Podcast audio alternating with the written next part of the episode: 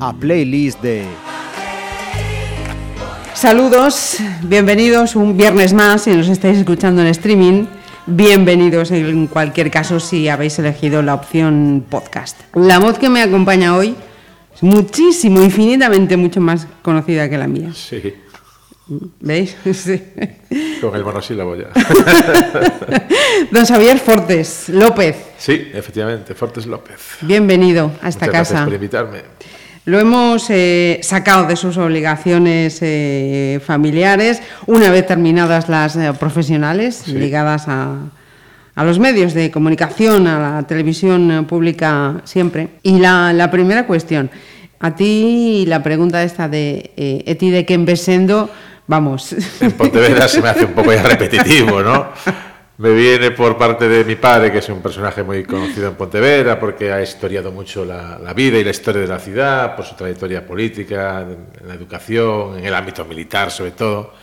Y, y mi hermana Susana, escritora, mi hermano Alberto, escritor. Por parte de mi madre, pues mi madre también forma parte del paisaje de la ciudad, de aquellos bailes en el casino, con 17 años, de una familia que vino de Tui a Pontevedra, pero que también fue muy conocida aquí, los López Hermida, muchos lo situarán con Mosteiro, porque era el apellido del responsable de, caja, de Banco Pastor en Pontevedra, y entonces digamos que por las dos vías me viene una un poco más guerrera y otra un poco más ciudadana, por así decirlo. Eh, de Tui a Pontevedra y por parte de padre de Cotobade a Pontevedra. No solo de Cotobade, sino de Caroy, o sea, de las terras altas de Cotobade, en plena montaña, una zona batida por los vientos, eh, la lluvia, la nieve en invierno en ocasiones.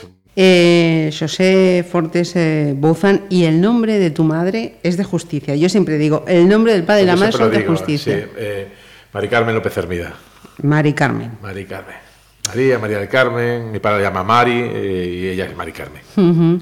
Mira, he, he leído, no sé si el dato es correcto o no, eh, cinco hermanos. Sí, cinco hermanos. eh, uno ya murió desgraciadamente. Bueno, dos. Uno yo no, no había nacido aún. Beatriz. tenía mi hermana Susana pues dos años y medio, ya murió con meses de estos tifus o cóleras que había en la Pontevedra de aquellos años. Eh, y otro hermano mío murió ya por problemas que también afectaron a la ciudad, todas las comarcas en los años 80, donde la droga se llevó a, a varias generaciones. Ujú. Y tú eres el pequeño. El pequeño de los varones, tengo una hermana aún más pequeña que es Belén, que también se dedica a Ajá. esto de los libros, eh, lleva una editorial, eh, Guiberne Ediciones, y, y también se dedica al mundo de las letras. Digamos que yo soy el más refractario, soy más del, de la tasca de Pasarón, de Fondo Norte, de la Payota y de estas cosas. Eh, Xavi, una trayectoria vital como la de José Fortes eh, Bouzan eh, irremediablemente eh, tiene, tiene que marcar, ¿no? Sí, sí, sí, mar- marca, marca por muchas cosas. Primero, por lo que sucedió, lo cuento brevísimamente, el, eh, junto a un grupo de oficiales en distintas guarni- guarniciones de España, en Madrid, Barcelona sobre todo, y en Galicia él y dos otros oficiales más montaron una asociación a la que él precisamente dio nombre, la Unión Militar Democrática, la UMD, que en el tardo franquismo trataba de evitar que el ejército fuera un tapón para el tránsito eh, afortunado e, e inevitable a, a la democracia. ¿no? Su lema era democracia, libertad, Europa. ¿no? Digamos que algo que entonces sonaba demasiado revolucionario y hoy nos parece casi ñoño, ¿no? Pero entonces había que reclamarlo, y más en el seno del ejército. Bueno, supuso que fueran detenidos, yo recuerdo vagamente, casi en duerme vela, los ruidos de pisadas, luego me enteré ya cómo fuera, yo tendría ocho o nueve años, y mi ilusión era ser militar, ¿no? Como la mayoría de los hijos de oficiales. Y entonces todo eso se acabó de un día a otro, de una noche a otra, del 29 de julio del 75 al 30 de julio, pues ya vimos que había cambiado todo nuestro panorama. Mi padre estuvo mm, eh, pues detenido en varios penales militares, en Ceuta, en Madrid, en Ferrol, le condenaron a cuatro años de prisión con el Código Penal del franquismo por sedición por la rebelión y expulsado al ejército. Cumplió un año, un año y algo, porque murió el dictador, murió Franco y con la llegada de Suárez se hizo una especie de amnistía e indulto que en el caso de los oficiales de la UMD permitió que salieran de las cárceles de las presiones militares, pero que no reingresaran en el ejército. Eso fue ya más tarde, en el 87, entró y salió prácticamente por donde vino, pero en el 75, pues mira, lo que era el tardofranquismo, el búnker, porque era, eh, yo que he estudiado algo el tema militar, por cuestiones familiares, me gusta, me he leído muchos libros, eh, da la sensación de que el, el- el ejército era, era un poco más aperturista a finales de los 60, curiosamente, que en el 74-75, que ahí, digamos, se cerró un poco por acusaciones de que a la muerte del dictador tenía que seguir habiendo el franquismo sin Franco y el ejército tenía que, tenía que ser el pilar, el baluarte. Y, y parece que se cerró como, una, como un galápago. Eh, ante eso, algunos oficiales pues, decidieron montar esta asociación y fueron condenados y fueron perseguidos y, y encarcelados. Y luego el ejército se abrió. Se abrió, yo creo que es afortunadamente una de las instituciones del Estado que más ha, eh, se ha abierto, que más se ha modernizado, que más se ha democratizado. Quizá ahora la cuestión catalana esté afectándole también a su nervio, porque son cosas que se llevan en su ADN y es lógico, pero sin duda, así como, como la Iglesia retrocedió, no hay que ver más lo que era eh, eh, eh, pues, eh, Tarancón y lo que fue Rouco Varela, por así decirlo. La justicia dio pasos también hacia atrás y el ejército yo creo que las misiones en el exterior fundamentalmente abrieron la mentalidad de nuestra oficialidad y hoy creo que hay que estar orgullosos y reivindicar el papel de nuestras Fuerzas Armadas. Eh, vamos a hacer una primera paradita, si te parece, en tu selección musical mm, que comienza con, con ABBA. Sí. ¿A, a dónde le lleva esto a Xavi? A, a la primera chica que, de la que quedé enamorado con 8 o 9 años que tenía yo. Eurovisión era un fenómeno que hoy me río yo de los eurofans porque son espectáculos visuales más que musicales. A mí me gustaba aquella Eurovisión de Peret, eh, del maestro Ibardia, de sus canciones con su coro y con su orquesta. Y, de la familia allí alrededor no, de... ya el día anterior, yo me acuerdo que nosotros jugábamos en casa a hacer votaciones, a ver quién ganaba, y era un espectáculo, tampoco había la oferta de opción y televisiva, que ahora entonces Eurovisión era, era todo, ¿no? Y entonces en, en ese momento, pues de Pérez, me acuerdo en el 73, un año antes, a eh, Mocedades con Eres tú, que es la primera que yo recuerdo potente, muy levemente Karina en el 71, con 6 años, 5 lo recuerdo, pero, pero sobre todo Mocedades, Peret, y el año que creo que va Peret, Peret tiene una canción un poco. eh, yo soy muy de Peret porque me gusta lo antiguo, ¿no? Entonces, eh, Peret tenía una canción un poco impresentable con todos los respetos, que venía a decir: total, estar en Europa no sirve de nada. Y era, un, era digamos, eh, una forma de expresar de que nos daba igual lo que pasara en Europa, que nosotros estábamos a lo nuestro, ¿no? Y en, y en esto llegó ABBA, llegó unos cuatro chicos, pues desde el 23F al tardofranquismo y viceversa. Dos, eh, dos chicas, eh, Agneta Falsco, me parece que era la rubia, y Frida, la, la, No nombres. de las que nos enamoramos, y pasó, como diría José Luis Uribarri, que era el experto en Eurovisión, pasó ABBA como un ciclón, y la verdad es que pasó como un ciclón, que es imposible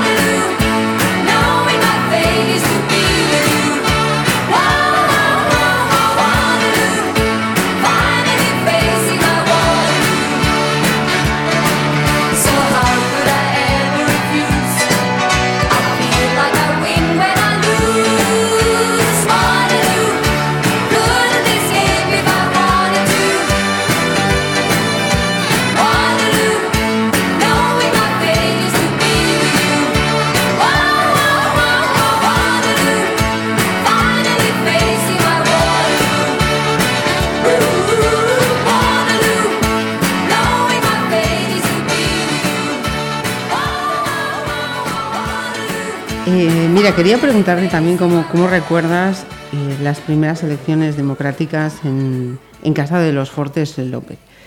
Pero eh, también quería preguntarte, a colación de, de esos recuerdos que nos dejabas antes de dar paso a, a Ava, eh, ¿qué recuerdos eh, mu- musicales tienes? Eh, ¿Escuchabas la música de tus hermanos? ¿Tus Sí. padres tenían su música y heredaste o has heredado el gusto de tus padres? ¿La radio?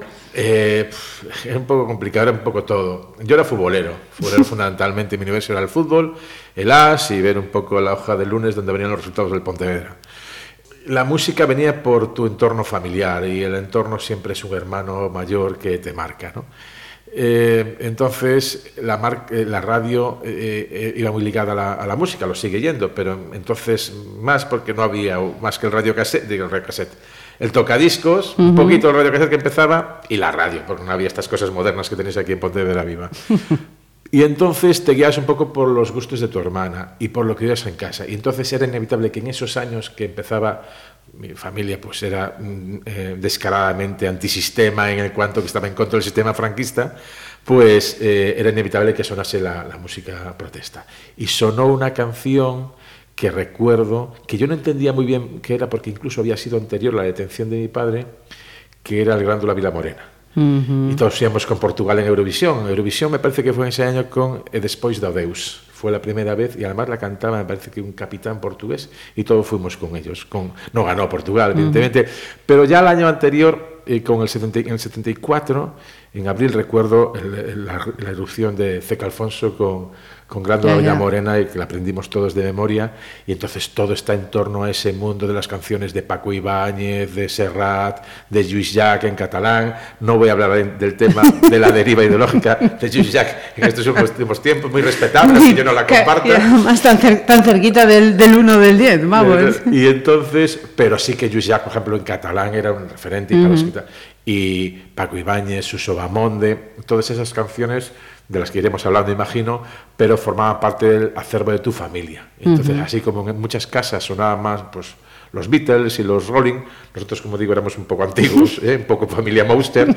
y entonces escuchábamos más otro tipo de canciones y ahí sonó, entró también como un ciclo Ceca Alfonso para cantar Grándola Vila Morena, y, y la verdad que es una canción que me trae unos recuerdos, sobre todo los pasos iniciales, son pasos iniciales que van sonando de fondo y, el, y después el, a todo lo que remite a la revolución de los claveles, a la, al derrocamiento de una dictadura sin pegar un tiro, al fin de la guerra de las colonias, está muy marcada por, por yo me acuerdo, eh, lemas que había de la radio libre portuguesa, que había que escuchar en silencio todo en casa, cerrando las puertas, que era nada máis un só soldado para as colonias ¿no? Ese era una, una- un lema que iba sonando en la radio libre portuguesa que escuchábamos nosotros a escondidas yo no sabía muy bien de qué iba aquello pero ya mi padre estaba metido en su fregado Sí, sí. de hecho tuvo contactos con, con, la, con el MFA portugués con el Movimiento de las Fuerzas Armadas para tener algún saber de qué iba aquello de Portugal, si fue a Portugal y yo creo que por eso lo acabaron pillando Mira, eh, antes de escuchar ese grándola, eh, Vila Morena, te preguntaba, ¿cómo, tienes ese recuerdo de,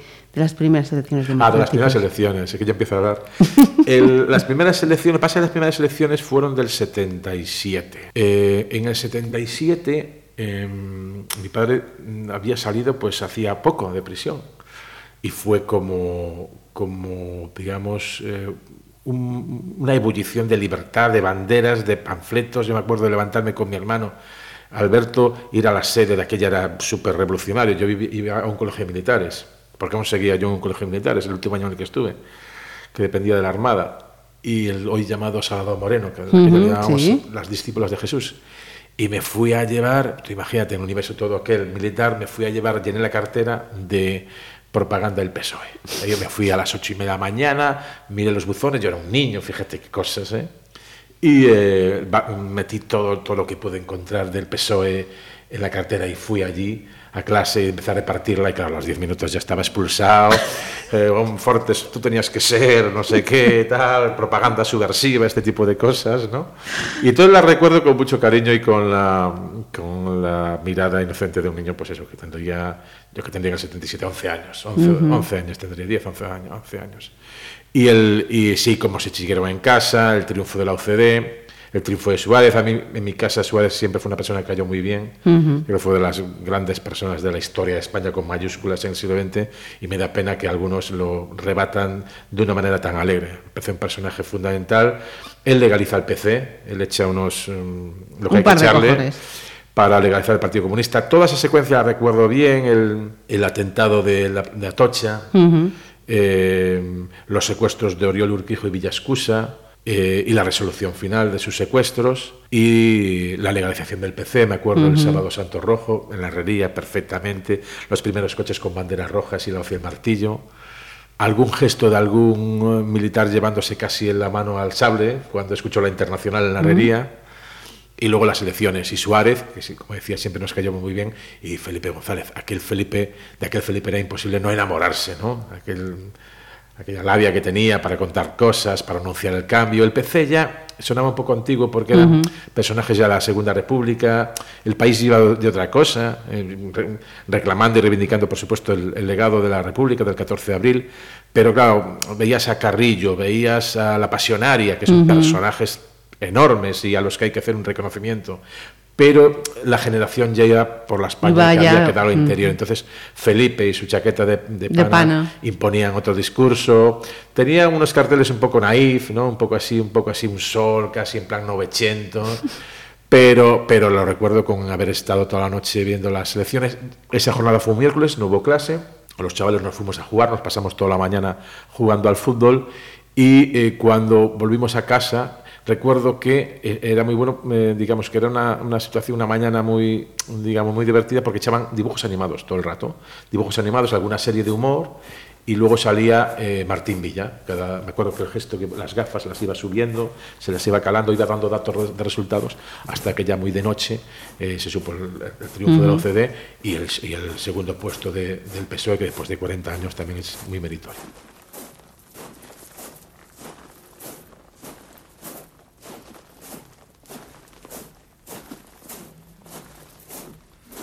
Grândola Vila Morena, terra da fraternidade. O povo é quem mais ordena dentro de ti a cidade. Dentro de ti a cidade. O povo é quem mais ordena.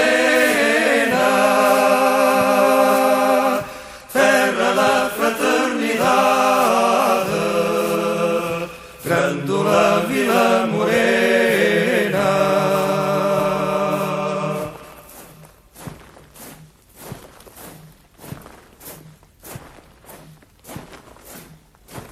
Em cada esquina um amigo, em cada rosto igualdade. Grândola Vila Morena, terra da fraternidade, terra da fraternidade. Grândola Vila Morena,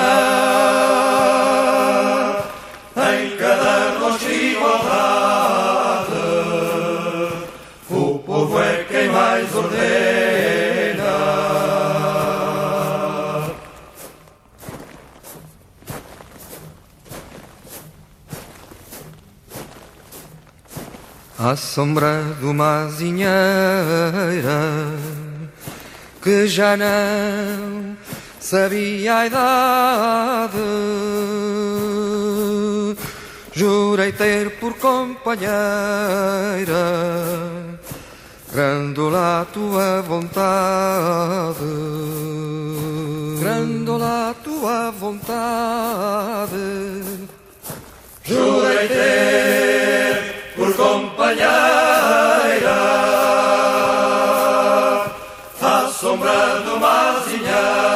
Y cuando presentaba las notas en casa, ¿cómo eran las notas? Yo fui muy mal estudiante Es algo que yo le digo, a mis hijos siempre le cuento la verdad, menos en mi etapa educativa. Sobre todo pues eso, el colegio. No, no fui un muy buen estudiante. Llegué incluso alguna vez a falsificar las notas, o sea, la firma de mis padres, porque esperé a que se fueran de viaje y entonces me acordé, dije, ah, las notas, entonces me las firmó mi hermano. Y, y ahí presenté las notas. No era muy buen estudiante. Me acuerdo una vez que yo ya, digamos, que era el rojo oficial de la clase, con 10 años, 9 años, te imaginas. ¿eh? Y un día hay un trabajo mm, que hacíamos en clase y nos daba la Madre Isabel, que era una, eh, digamos, una monja muy de preconciliar, por así decirlo muy del régimen. Y entonces, claro, nos pone unas carpetas que tenía allí para coger la que queramos por haber hecho bien el ejercicio. Y había de todos los colores, yo cogí una roja y me dijo, mira, había de todos los colores, pero Fortes tiene que coger la carpeta roja. Pues eso era un poco, vamos a ver, la, la- la- la- la escuela que yo viví, eh, el fútbol, no había gimnasia, había fútbol, por ejemplo, no había otros deportes, algo de balonmano en Pontevedra por el Teucro, pero sobre todo fútbol. Y, y luego, pues, me acuerdo cosas terribles. Se cantaba y estoy hablando del año 74-75, se cantaba el himno de Cristo Rey, que salía eh, alguien a cantarlo con la bandera y nos daban a los alumnos, en función del curso que teníamos, unas chapas que eran muy jerarquizadas. Y recuerdo que me pilló en enero el atentado de, de la calle de los abogados laboralistas de- del despacho de Atocha y se suspendió de la noche a la mañana todo aquello. Pero hasta ese momento nos formábamos, el brazo sobre el hombro del compañero, y Cristo Rey, Cristo Rey, soldados a luchar, soldados a triunfar, viva Cristo Rey. Eso es lo que yo recuerdo, o una de las cosas que yo recuerdo. Yo me, me- me libré, me libré, me libré. Eh, mira, decías eso, etapa escolar. Sí, Eh, tu padre estudió una carrera posteriormente a lo que se suponía eh, que vitalmente te corresponde, ¿no? Hmm. Y a vosotros os inculcó, os, mm, Sí, la educa- una Había que educación estudiar, así, digamos, que- los buenos estudiantes en mi casa eran las mujeres, como casi siempre. Y, el, y los hombres eran un poco más, pues, a nuestra bola. Eh, nunca fui muy buen estudiante, pero sí eh, fui buen lector, digamos. Siempre me gustó mucho leer la historia, sobre todo a- literatura algo menos, pero la historia siempre me apasiona. Desde- yo, jo- yo cogía el diario 16, el cambio 16, eh, recuerdo titulares del cambio 16, me leía el título, el titular, el antetítulo, el sumario y no me leía todo, porque era un niño de 8 años, pero sabía lo que pasaba. Los titulares del cambio 16 eran ¿Con ocho geniales. años te leías el periódico? Sí, el cambio 16, sobre todo el cambio 16, que era el cambio 16 el interview. Bueno, el interview fue un poco más adelante para encontrar a Bárbara Rey en pelotas. Pero eso ya tenía 12 años.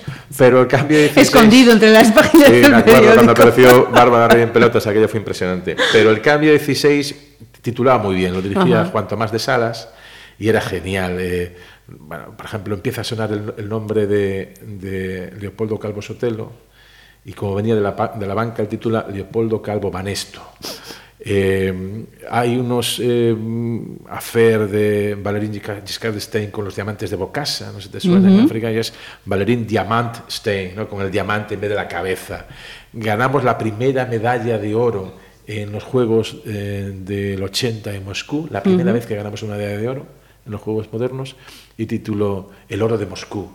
Todas esas cosas eh, que eran muy ingeniosas, pues a mí me iban quedando y me iban ampliando mi acervo de lo, más lo que yo escuchaba y leía. ¿no? no fui, por lo tanto, un buen estudiante, pero siempre estuve muy atento y preocupado de lo que pasaba a mi alrededor. Pero las notas, un día tuvimos una reunión de antiguos alumnos, ya no de este donde estoy, sino otro de Campolongo, Campolongo, porque luego yo fui a Campolongo y una profesora se ofreció a recuperar todos nuestros expedientes y dije yo, no, mira, yo te libero, de, te libero del encargo, puedes recogérselos para otros, pero no tengo ningunas ganas de ver mi expediente escolar. Y entonces es evidente, lo del periodismo ya te venía marcando desde pequeño. No, ¿No? no, no, mira, yo era, me enganchaba a la serie de Lugran, pero ni siquiera fue por eso. Era, bueno, para los alumnos de 16, 17 años que ahora dices, Lugran era una serie magnífica sobre una redacción de periodistas en Estados Unidos, Nueva York o Los Ángeles. Y entonces, no, lo mío fue mucho más sencillo. Yo, como decía, era, mm, nunca repetí ningún curso, pero siempre dejaba algo para septiembre. Entonces, mi abuela decía, por ejemplo, que eu, eh, en fútbol levo matrícula, eso sí, ¿no? pero no resto, iba sacando como podía y llegaba COU de G3 para septiembre, las aprobé, aprobé el selectivo. Entonces mi padre me pregunta un día que qué voy a hacer, porque claro, tenía que ir a la universidad. Y yo le dije que periodismo. Y dije, padre asombrado, pero, tú, pero el periodismo hay que leer mucho más de lo que tú lees, o sea, hay que el periodismo y tal. Y fue periodismo porque de aquella que había distritos universitarios únicos, tú no te podías cambiar de distrito, ir a otra ciudad, que es lo que yo, yo tenía la necesidad vital con 18 años, a mí me encanta Pontevedra, pero hay que salir de las Necesitabas ciudades respirar. para no convertirte en estatua de sal, para ser ver mundo. Y, y estamos hablando del año 84-85 en Madrid. Lo que- no voy a nada. decir lo que era Casi eso a nada. un niño de Pontevedra con 18 años. Y la única posibilidad que tenía, como de ciencias, no iba a hacer nada porque yo iba por letras, porque veía los números y me mareaba. Entonces dije periodismo porque era la única facultad que no había aquí. Había en Madrid, luego más tarde se hizo en Salamanca, Salamanca. eh, en Navarra, pero era del Opus y eso lo prohibía mi religión, y Barcelona, la autónoma. ¿no? Entonces realmente solo podía ir, y no sé si en San Sebastián, pero en, en Madrid había en las- una de las cuatro facultades, de hecho cuando llegamos eran 15.000, o sea, era una barbaridad, 15.000, solo en ciencias de la información, que era periodismo, imagen, sonido y publicidad. Y entonces, mira, pues yo me voy a hacer periodismo, que no sé ni, ni qué va esto, pero me- es la única opción que tengo que irme- de irme a Madrid. Y así me fui con 18 años, 19 años a Madrid y me- viví unos años eh, maravillosos, pero no por una vocación temprana. Eso sí, no me mm, enganchó tanto la, la profesión y el oficio en el- cuando eres estudiante, porque con 19 años en Madrid en los 80, pues mm, viviendo fuera de casa, a vamos a ver a qué te muchas más cosas que a otras estudiar. muchas cosas más di- distintas que la académica, iba probando como podía, pero sí me enganchó después la profesión cuando la empiezas a ejercer. Ahí sí que me me atrapó. Paco Ibáñez, como no. Ibáñez- es el de volver a un poco atrás. Paco Ibáñez es las canciones protesta de aquellos años. Había el famoso Luis Jack, eh, Luis Jack al Olimpia, eh, había también Paco Ibáñez al Olimpia, que era un disco en directo con Soldadito Boliviano, que era otra de las canciones que estuve a punto de, de com- de comentarte. De Pero la primera, la primera era un disco de poetas españoles que se llamaba Los unos por los otros, con canciones de Alberti, de Goitisolo. y, y yo creo que este a galopar es de Alberti, ¿no? Me parece, si no me equivoco, es de Alberti, o a lo mejor estoy metiendo la pata. Pero era una canción que sonaba a galopar, a galopar, hasta enterrarlos en el mar.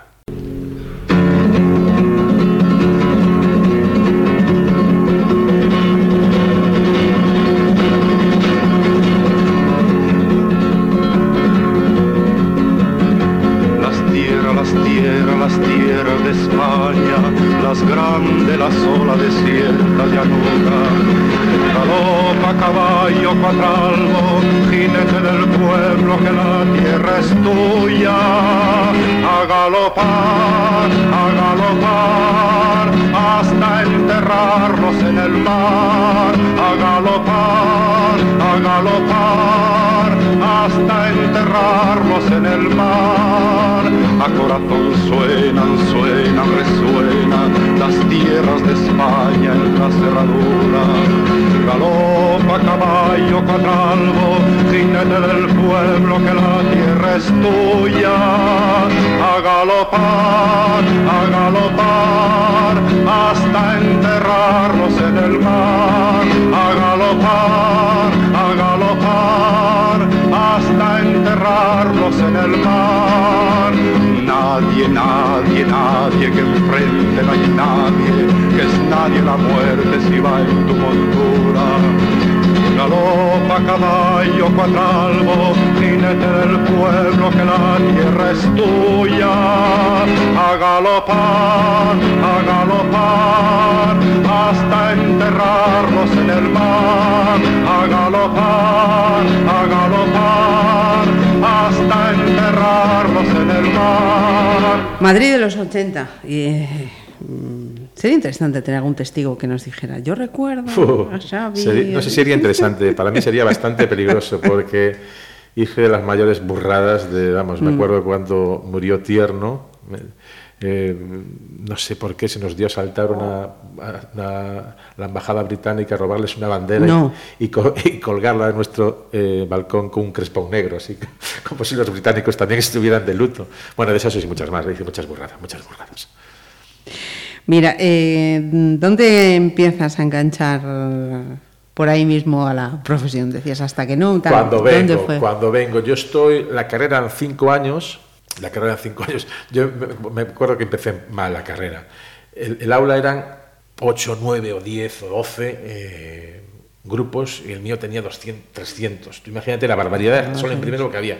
Y había una gran criba. Y yo lo empecé bien porque eh, el profesor del curso general de relación periodística, que era uno de los huesos, te daba un libro que era inmenso, que era memorizar, no tenía sentido aquello, pero había que aprobarlo. Y nos hizo un examen así para probar cómo íbamos y cómo debió ser el trabajo que yo hice, que a todos les puse una nota. Una nota, aprobado, suspenso, dos, tres, siete, ocho. Y a cuatro o cinco nos puso una nota en rojo que ponía vengan a eh, buscar el trabajo al departamento. Y yo llevaba una semana y media en Madrid. ¿De acuerdo? Entonces voy a, voy a buscarlo y me dice Martín Alberto, mire, no le voy a dar la nota, simplemente lea al margen. Me devuelve el trabajo y ponía en rojo, en el mismo rotulador rojo. Le recomiendo que cambie de carrera. Es, digamos que eso fue mi desembarco en Madrid. Y luego el primer año me, me puse las pilas para probar, aprobé casi todo. Y, el, y me acuerdo una vez, ya en junio tenía que entregar un último trabajo, yo creo que también de redacción periodística, había práctica y teórica, y la teórica la había probado, tenías que probar la práctica, era un trabajo también. Me pasé toda una noche de finales de, de un mes, ya sin dinero en casa, comiendo gazas de pan, eh, escribiendo a máquina. ¿no? Y presenté el trabajo. Voy a presentar el trabajo y veo que hay un autobús de la Hermandad de Donantes de Sangre justo enfrente de la universitaria. Y yo sabía que si ibas a donar sangre te daban unos bocadillos y, unas, Sí, sí. y unos refrescos y tal. Entonces dije, bueno, voy a la facultad, entrego el trabajo y según vuelvo llevaba día y medio sin comer. Y le digo, oye, ¿ustedes dan bocadillos por donar sangre? Sí, siempre sí. sí. Me senté, era una chica y me hizo, bueno, los de los que están ahora en la radio no lo ven, pero es apretando y, sol- y Sí, la palma de la mano, ¿no? Y entonces, usted sigue aquí. Entonces yo estuve ahí dándole, nunca había ido a, a donar sangre. Y, y de pronto viene alguien más al autobús a donar sangre o a hablar. Y la enfermera esta se va para adelante y yo seguía lo mío, abriendo y soltando la, o sea, donando Las sangre. mando. Y, y llegó un momento en que yo dije, hostia, ya, yo creo que aquí ya llevo bastante sangre. La chica se ha despistado de mí, levanto la mano y dice, ah, sí, sí, sí, para, para, para, para, para, para. Entonces me quito la, la aguja, yo que soy aparte bastante aprensivo, y, y según me levanto, pues solo recuerdo Mareo ya al en suelo. La, la siguiente escena estaba con las patas para arriba, enganchado con unas cinchas, a ver si revivía y boqueaba un poco. Y entonces le dije a la chica cuando me fui, bueno, ¿me puede dar un bocadillo? ¿Cómo un bocadillo? Me dio una bolsa con cuatro o cinco bocadillos que me dio hasta que mi padre me hizo el ingreso del dinero del mes siguiente. Esa es la época de Madrid. Sí, señor. Mira, una- un cantautor político que además estos días vuelve a, Se a la actualidad, años, sí. efectivamente. La Bordeta. El gran La Bordeta, grandísima La Bordeta. Otra de las voces de la, de la canción de aquellos años. Eh, También estuve aquí- aquí dudando, dudando si poner esta o otra que aún casi me gusta más, que es Somos. Que además hay un, hay un, en YouTube hay una voz que hay una vez que la canta en directo y que es impresionante en las fiestas del Pilar. Somos es una canción que te sobrecoge. Pero la que sonaba cuando yo, como vamos en una escalada cronológica por la guía musical, la que sonaba cuando yo tenía esos años de los que estábamos hablando, pues la bordeta debía tener yo 10, 11 años, en otro salto en el tiempo para atrás, Sí. era eh, Canto a la Libertad. Que de hecho la quisieron eh, proponer como himno de Aragón y se, Sí. eh, se negó, creo que el Partido Popular.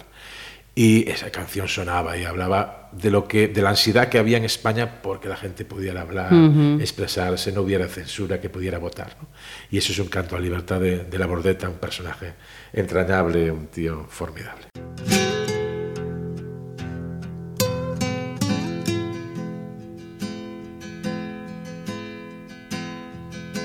Habrá un día en que todos al levantar la vista veremos una tierra que ponga libertad.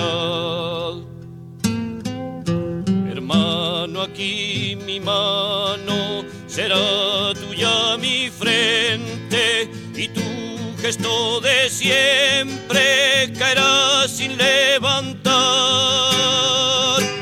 huracanes de miedo ante la libertad.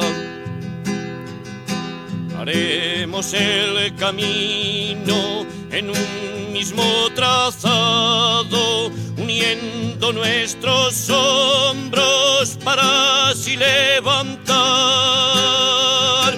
aquellos que cayeron gritando libertad.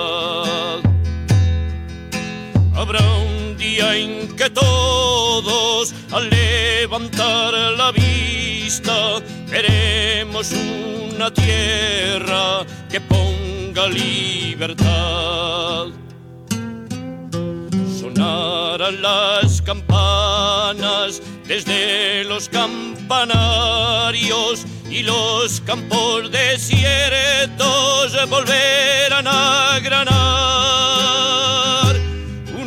Unas espigas altas dispuestas para el pan para un pan que en los siglos nunca fue repartido entre todos aquellos que hicieron lo posible por empujar la historia hacia la libertad.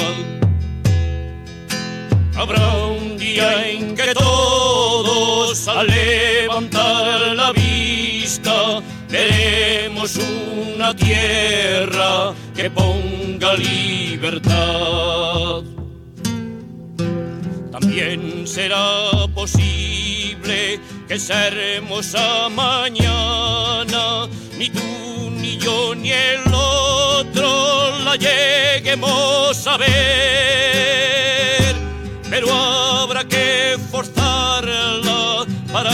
que pueda ser. Que sea como un viento que arranque los matojos, surgiendo la verdad y limpie los caminos de siglos de destrozos contra la libertad. Habrá un día en que vista veremos una tierra que ponga libertad. Xavi, tu trayectoria profesional siempre ha estado vinculada al, al ente público. Sí, eh, ahora engancho con una de las preguntas que me hacías antes. Pasa que yo me voy por todos los pericuetos que encuentro. El cómo me engancha la carrera. La carrera no me engancha en la facultad, por lo que acabo de contar, por las necesidades vitales que tienes con 19 y 20 años y el Madrid de la mitad de los 80. Y me atrapa cuando, cuando vengo a hacer prácticas en tercero, en tercero, que es justo en la mitad de la carrera, de aquella el plan de estudios antiguo eran cinco años, y hago prácticas en la emisora de Radio Cadena en Vigo. Y me van bien las cosas, me sale más o menos bien, me ofrecen un contrato, entonces empecé a hacer la carrera eh, por oficial, pero yéndome a examinar, sin presen- sin- no presencialmente, y entonces empiezo a ir a, a ir en la época que empieza el narcotráfico, eh, las manifestaciones de las, yo me acuerdo las mariscadoras de, de Ocastelete, como no hay muchos niños escuchando, unas hostias que se daban allí con la Guardia Civil, pero tremendo. Y recuerdo una cosa muy graciosa. El diario de Pontevedra, el diario de Pontevedra, que es un medio que al que no conozca y escucha esta entrevista de fuera, tendría que saber eh, sus famosos titulares, que eran más famosos Pedro que, los que, Rivas. que los de Juan Tomás de Salas, los de Pedro Rivas. Recuerdo ese día, pues yo debía estar, llevaba seis meses trabajando aquí, debía tener pues 22 años, 23 años, y fui a cubrir una información al Castelete. Y cuando llegué, había venido una de estas nubes en suspensión. Eh, había un follón de mariscadoras en la playa de Castelete de Cambados. No había móviles. Tenía que ir, ir a un bar, llamar por Llamar, teléfono, hacer la crónica, venir, editar los cortes. Era todo muy artesanal. Ni faxes ni nada de esto. Y entonces, pues llegamos y vuelvo de hacer la crónica para hacer un reportaje ya más sosegado a Pontevedra y mandarlo desde casa. Y entonces veo que se ha eh, depositado como una nube en suspensión de estas que vienen del Sáhara, pero no con un polvillo, sino, digamos, era todo un color rojizo, un barro que cubría todos los escaparates. Yo recuerdo a la gente limpiando los toldos, era tremendo aquello, es que fue, porque de vez en cuando te vieron una nube de esas, pero esto fue nada más. ¿Cómo tituló al día siguiente el día de Pontevedra? ¿Te lo cuento? No se lo sé, cuéntalo. Antetítulo. Eh, Marruecos nos apresa los barcos, nos quiere asaltar Ceuta y Melilla, puntos suspensivos, y ahora Y nos nos echa un polvo rojo. Pues ese era parte del periodismo que había también en el diario de Pontevedra. Todo eso te va enganchando. La primera redada de la Operación Nécora, a mí me coge ya después de dos años entrar en Radio Cadena, que se convierte luego, tras la fusión, en Radio Nacional.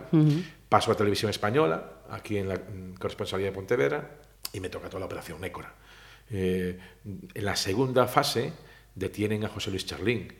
Y yo voy como un chaval de 23 años a enfrentarme a aquello, que era para echarle de comer aparte, pero para echarle de comer aparte. Y recuerdo, por ejemplo, pedradas, eh, salir Josefa Charlín con una piedra a rompernos la cabeza y lo que rompió fue la cámara. Entonces entramos ese día en el telediario que presentaba Jesús Hermida con la imagen esa de Josefa Charlín rompiendo Rom- la cámara. Bueno, aquello era tremendo. Entonces es imposible que si tienes un poquito de sangre en las venas no te enganche No te- ese Ujú. oficio de contar lo que pasa. ¿no? Pues a mí fue lo que pasó. Y todo lo que todo lo que viene Después. después, Uf. efectivamente. Muchísimo, muchísimo Sí, más. bueno, una, sí. una tierra que no sé si decir lamentablemente con todos los eh, respetos del mundo, pero en los anales de- del periodismo de las últimas décadas, eh, Sí. informaciones contundentes. Y duras, eh, y es que, es que ahora lo vemos. Hay un libro que habrás leído y, y- y recomiendo, que es están rodando en Pontevedra Fariña, de Nacho Carretero. Yo lo estaba leyendo y estaba recordando toda mi etapa vital de los primeros años de periodista. Pero es que esas, eh, es que hubo muchas muertes, pero no muertes accidentales. Hubo muertes eh, absolutamente intencionadas en la carretera, en una viña, eh, debajo de una batea, eh, a tiros. le faltaron tirar flechas y arcos. O sea, es que. Y era tremendo, y era duro, y era peligroso, y arriesgado. Te seguían con la matrícula, eh, teníamos que cambiar a veces de coche, porque nosotros íbamos de Pontevedra a Vila García. Bueno, era, era tremendo, pero por otra parte también te, te atrapaba, ¿no? Y a mí me permitió pues estar en primera línea en todos esos años que eran durísimos, durísimos. Luego ya me pasó me, irme a, a Santiago porque empiezan a haber directos, que hasta ese momento no había directos. Si había algún directo se hacían por teléfono, fíjate tú. Y no había mucha gente que, mm, bueno, el género del directo en televisión, sobre todo, ahora ya la gente está más acostumbrada, pero en ese momento es un género que impone abrir un telediario en directo. Y me fueron saliendo bien, me llevaron para Santiago, ya empecé a presentar algún programa y pues ahí fue a todo, ya una deriva. Vamos a seguir hablando de periodismo, pero vamos a hacer otra parada musical, en este caso con uno ya de, de- de la tierra. Y además algunos de los invitados nos contaba esa experiencia que vivieron aquí en Pontevedra con Suso. Ah, sí, yo también la Bahamonde. viví. estaba- ¿Tú me- también? Me, pilló de, me pilló el toro ahí. Sí, eh, fue tremendo. Vamos a ver. Sacado de contexto es una barbaridad. La frase es muy dura. Eh, sempre que falo de España sempre teño unha disputa que se Espada, España miña nai completen ustedes la rima, ¿no? Eh, y es una, o sea, es que es ofensivo. O sea, yo le digo a la gente, eh, cambia España por Galicia, le decía alguno, y a, y a lo mejor te cabrea también, ¿no? Pues, pues, pues, imagínate a la inversa igual. Yo respeto mucho las banderas, los signos de todo el mundo, aunque no coincidan con los míos, son cosas que van muy en la dermis, por lo tanto es una burrada. Simplemente contextualizar en el momento histórico que se produce, que a, España le está, a Galicia le están negando el reconocimiento del idioma para la educación, el reconocimiento de su bandera, el reconocimiento de su estatuto de autonomía. Aún no hay ni preestatuto de preautonomía, es que llevaba a Rosón. A Galicia en esos años presenta una solicitud en el Congreso de los Diputados y se la deniegan. Realmente eran años donde a Galicia se le negaba absolutamente todo. todo. Y entonces, como reacción, surge esta canción, que era una canción popular, no de Suso Bamonde, y él la canta y la canta más gente. Hoy, con la distancia, dice, es una burrada, era una burrada, pero también hay que ponerse en el contexto aquel que todo lo que va para el Parlamento español de Galicia es eh, detenido, suspendido, paralizado, sancionan a profesores por hablar en gallego en las aulas.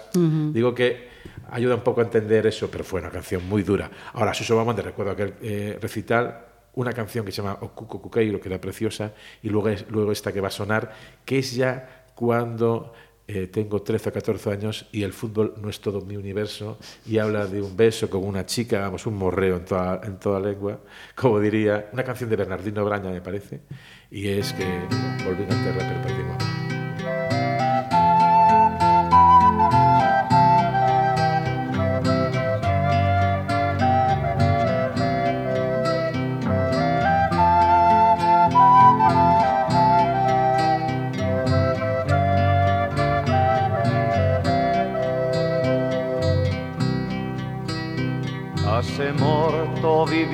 sin conocerte A lona chaira seca e por as surdas rúas Onde ninguén me soubo dar mornura Onde ninguén me soubo dar mornura. Foi soedade desconforma dentro E a semente a cair en terradura. Como i vivir mañá sin a luz túa? Como i vivir mañá sin a luz túa? Como i vivir mañá sin a luz túa? Como i vivir mañá sin a luz túa? Erguime vindo regresar a terra como se aquelo fora todo un soño Pesado de ti xa fora sempre miña Pesado de ti xa fora sempre miña. E foi de novo materno en aluminio O bico teu na lingua. E foi de novo corazón adentro comprender a existencia e a dozura como i vivir mañá sin a luz túa como i vivir mañá sin a luz túa como i vivir mañá sin a luz túa como i vivir mañá sin a luz túa.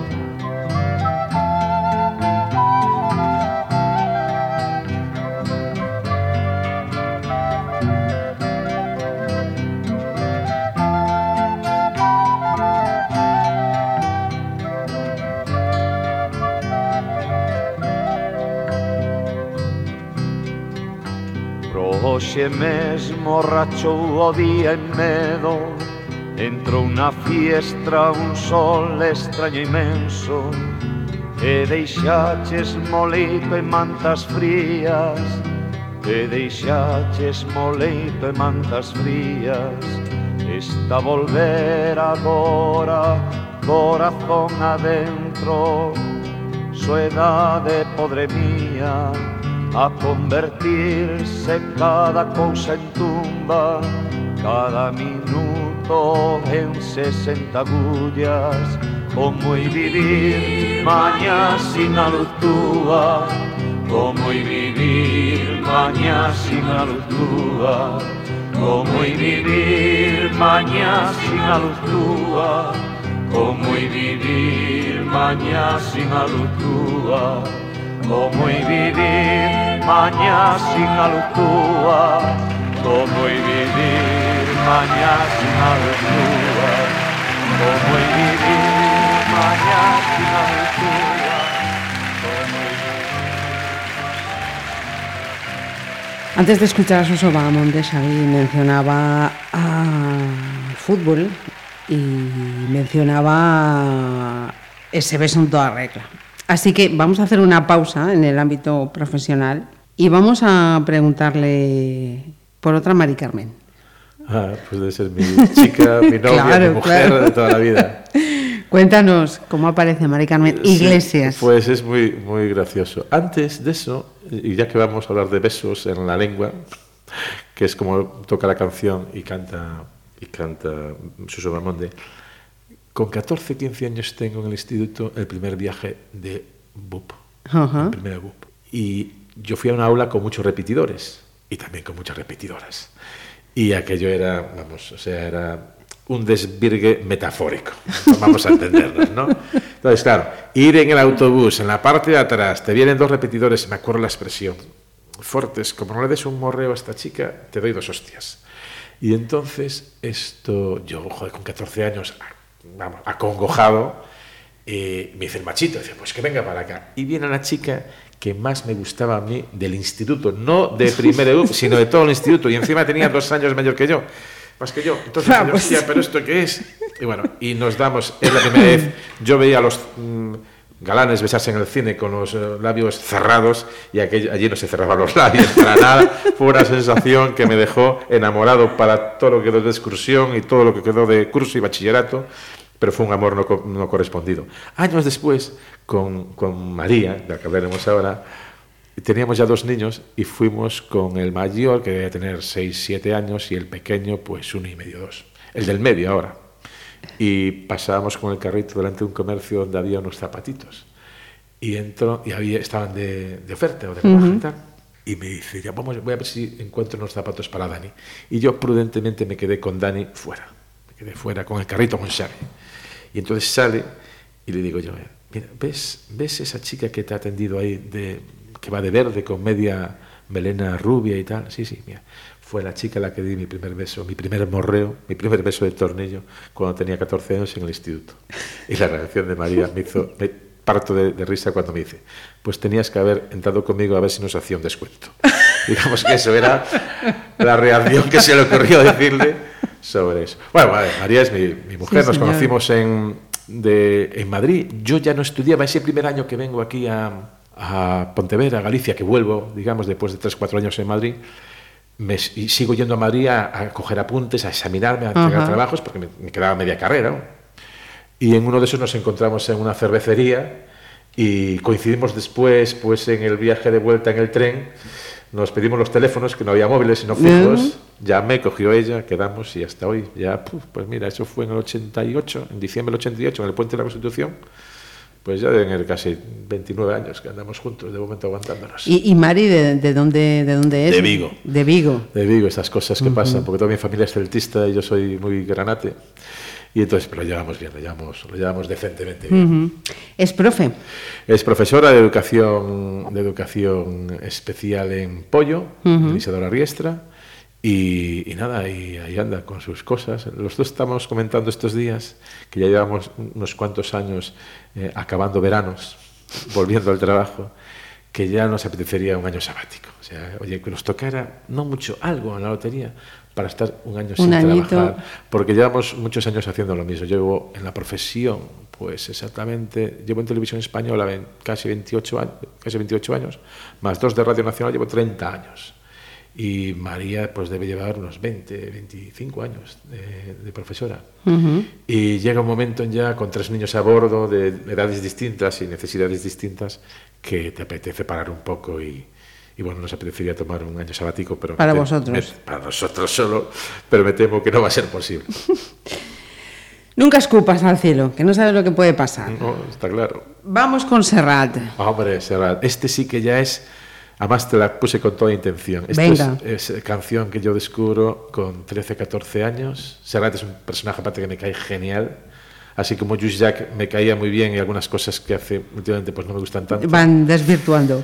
Pero Serrat me parece un personaje pff, tremendo, capaz de renunciar a Eurovisión cuando Eurovisión era la leche, que era la leche, por, porque no se la dejaban cantar en catalán, pero que es capaz de mm, quejarse cuando ahora es difícil, a lo mejor en algún ámbito, expresarse en, cas- en castellano, en Cataluña. Yo creo que un personaje con valor, que va contracorriente, ¿no? Por eso me encanta.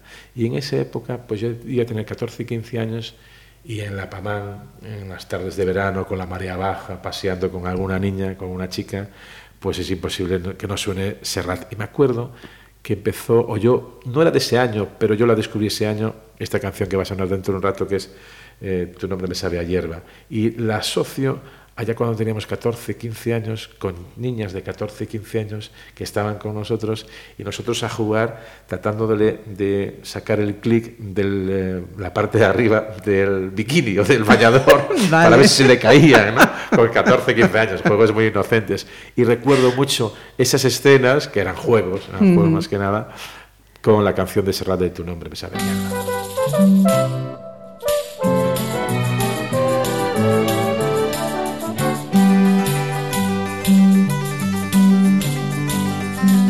Porque te quiero a ti, porque te quiero. Cerré mi puerta una mañana y eché a andar, porque te quiero a ti, porque te quiero. Dejé los montes y me vine al mar. Tu nombre me sabe a hierba de la que nace en el valle a golpes de sol y de agua. Tu nombre me lleva atado en un pliegue de tu talle y en el bies de tu enagua.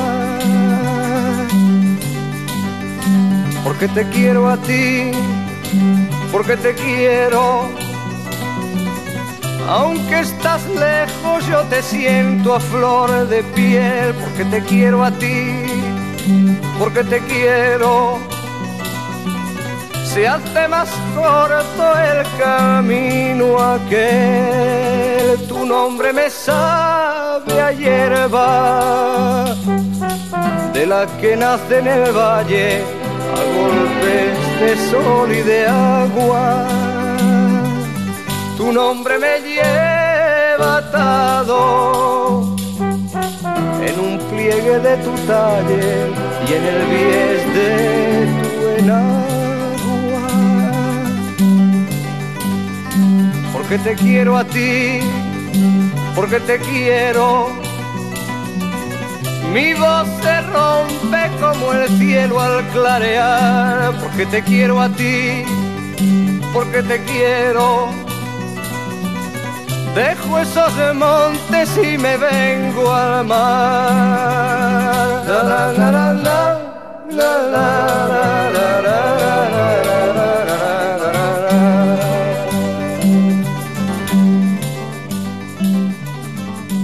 Veranos en, en La Pamán, decías. Mi infancia es Caroy, mi infancia es Caroy, mi niñez es, es la aldea y la adolescencia es el mar y la adolescencia es, es enorme, es lo mejor, es lo más bonito y lo más sentido. Y encima en la playa de la Pamán, que de aquella no estaba tan masificada y éramos un grupo de chavales que íbamos a pescar. Y ya llegó un momento en que nos gustaba más hacer otras cosas que pescar al hilo de la canción de Serrat, pero que lo pasábamos muy bien en grupo. Desgraciadamente yo no puedo ir ya más que una semana, semana y pico a casa de mis padres, una casa muy grande, pero aún nos seguimos re- reuniendo una vez al año todo, parte de la pandilla de la PAMAN, de chicos bueno. y chicas. Y recuerdo, mira, la primera mujer de la que estuve perdidamente enamorado era una chica que además es de Vigo y no va a escuchar el programa, por lo tanto lo puedo decir, aparte que Cuidado, que esto llega. Ya, ya, pero decía que era, era Estela, una chica que se llamaba Estela, que era una preciosidad. Todo, toda la mamá estábamos enamorados de Estela, y yo el primero. Y fueron, digamos, eh, me acuerdo la primera vez que le invité a dar un paseo hasta la isla y tal, pero no pasamos de ahí, no pasamos de ahí. Mira, otro de tus amores. Granates. El, eh, eh, mira, estaba mi padre en prisión. No teníamos un duro en casa. Eh, recuerdo que íbamos al Borrón, que era el basurero de Pontevedra, el Borrón se llamaba Ah. hace muchos años, a, a ir donde ti- descargaban los, los, eh, las piezas sobrantes de una fábrica de cinta aislante que estaba por la zona de pollo. La limpiábamos, íbamos vendiendo a 10 pesetas la cinta aislante y ahí sacábamos pues un día a lo mejor para ir al cine o para comprar, porque no había un duro en casa. ¿no? Todo lo que había era para vestirnos y comer. Y, eh, y en esto el Pontevedra, en las últimas jornadas en, en- en- en tercera división, de aquella no había segunda B, había primera, segunda y tercera, enlaza varias jornadas y se pone líder y juega el último partido en casa contra Lemos, si gana, asciende a segunda división. Y entonces no había dinero para ir al fútbol ni nada. Y la directiva, que yo creo que era eh, Vázquez Pereira, Vázpe, eh, decide que los chavales, si van con adultos, para tirar de los adultos, vayan gratis al fútbol. Y a mí me llevan primos hermanos de mi padre a Pasarón, Fondo Sur. Eh, el balón era rojo, eh, cedido por Deportes Campeón, que estaba enfrente justo de mi casa, deseábamos todos algún día darle una patada a aquel balón porque era para comérselo, y, y ganamos 1-0 con gol de plaza de penalti. Y aquello me atrapó, me atrapó el equipo, el color granate, la gente, las gradas, el ascenso, la ilusión. Dije yo, además vengo a un partido, ascendemos, esto ya en primera en dos años como mínimo. Y, y entonces me enganchó y desde aquella. eh, con el tiempo vas perdiendo un poco ya, digamos, eh, no la fe, aunque yo soy un poco descreído, pero ya no es la pasión inicial. Pero en el Pontevedra hay momentos, mira, el otro día en Madrid estuve y fui al Diario As, que yo colaboro algo con el Diario As, a ver con Alfredo Rolaño un, partido del Madrid en, Champions. Y vino el de archivo, el Ortiga, el subdirector, y sabía quién era, y dice, tengo una cosa para, para ti. Y me dio el ejemplar original de marzo del 72, donde salía un póster a color del Pontevedra en Segunda División A. Y no te Lo he aguantar. marcado, me lo traje, y lo, lo difundiste en tu Twitter, que lo leímos, lo leímos. No, hombre, no, hombre, no, Ponte- Pontevedra. Y el Teucro también. Teucro seguí muchísimo al Teucro también. Pero el Pontevedra forma parte ya del paisaje sentimental de mi infancia, de mi niñez, de mi adolescencia. Ya no lo. Ahora ya voy más al palco que al fondo norte, que es donde tenía que estar yo. pero en el palco, digamos, puedo tomarme una copita de vino y, y algo Se- más. se ve de otra manera. Se ve de otra manera, pero ya no tengo la fiebre, fiebre de, de, de aquel aficionado de 15, 16, 17 años, 20, 22, me hacía kilómetros y kilómetros. Yo recuerdo que se, se hacía la primera comunión mi ahijada, la hija de la mejor amiga de mi mujer de Vigo. Y, el, yo, y, me- me- y estoy una semana sin venir por casa porque mm, hubo un hundimiento de un barco con 10 marineros muertos en Lache. Y yo voy para el telediario, ya estaba en televisión española, súper asentado, para hacer toda la información en directo desde allí, todos los días, de las 8 de la mañana a las 9 estaba informando yo para todos los telediarios y los, y los avances. Entonces hubo un cambio de buzos, trajeron unos buzos italianos que eran especialistas en profundidad, pero tardaban dos o tres días y había mala mar. Entonces me dieron dos días de descanso, porque llevaba siete, ocho días durmiendo cinco Pegado. horas y pegado allí, en frío y tal. Entonces, en vez de venirme a casa, le dije a María, mira, María, es que juego el Pontevedra en Miranda de Ebro, nos jugamos medio ascenso a Segunda División A. Yo llevaba lo de prensa del Pontevedra, estoy con Nino, tengo que ir. Entonces, llegué de, de Laxe, eh, me monté en un, en un coche con unos amigos que iban, que era, uno era Manolo Pausada, el de, el de Pollo, el de la Casa Laura, nos fuimos a Miranda de Ebro, ganamos, salimos escoltados por la policía, volvimos y según llegué me fui, a, me fui de nuevo a Laxe. Y en medio estaba la primera comunión de Maijada, que yo creo que su madre Rosa no me lo perdonará en la vida, pero bueno, esas cosas hay que cumplirlas, hay que cumplirlas. Se llevan. Sí, pero ya no soy tan pasional, ya lo digo con, más, con un poco más de distancia. De broma le digo a mi mujer, cuando tenemos alguna, no discusión, pero algún pique Ponteveres-Vigués, Celta-Pontevedra, que es inevitable que yo algún día sea presidenta del Pontevedra. Pero eso no se lo digáis a Lupe Murillo. Vale. Queda aquí entre nosotros, no, sal- no saldrá de aquí. Mira, y además del eh, Pontevedra, descubrimos eh, también algún equipo más. Ah, el Caroy. Soy presidente del Caroy. ¿Te refieres a eso? Ah, ese dato no lo tenía yo. Ah, Sí, sí, soy presidente del Caroy. A ver, si, a ver si este año seguimos compitiendo, porque tiene un mérito, lo que te decía antes de Caroy, a mil metros Sí, casi. sí, sí. Todos los equipos que surgieron allí en los 70, en la fiebre aquella del, del fútbol regional de los 70, desaparecieron, no queda ninguno. Y nosotros seguimos ahí en nuestro campo de tierra, inclinado, jugando como podemos, haciendo lo que podemos. Y, y vamos a intentar de nuevo salir este año a competir, por lo menos a, a- a cubrir el expediente. Pero tiene mucho mérito, yo le tengo mucho cariño, jugué en ese equipo, lo vi nacer cuando era un niño y me da pena que desapareciese. Seguramente llegará un año en que ya no podamos, pero mientras tengamos algo de aliento, pues vamos a intentar seguir, pero forma parte también. Es el decano del fútbol regional pontevedrés, tiene un mérito enorme, es una heroicidad, pero vamos a intentar mantenerlo mientras podamos. Mira, no hemos escuchado voces femeninas desde la primera de tus elecciones. Llega un momento femenino. A ver, eh, vamos a ver. Ana Ah, al Belén. principio, Ana Belén, hombre, otra de la que me enamoré para toda la vida y sigo enamorado. Ana Belén. Además, esta también es de principios de los 80. y te- De Ana Belén te podría decir toda su discografía. Pero esta fue la primera vez que escuché la voz de Ana Belén. Y no voy a presentarla. Si quieres, tú tampoco la presentas. Y a la Venga. vuelta, la gente va a saber qué será eso.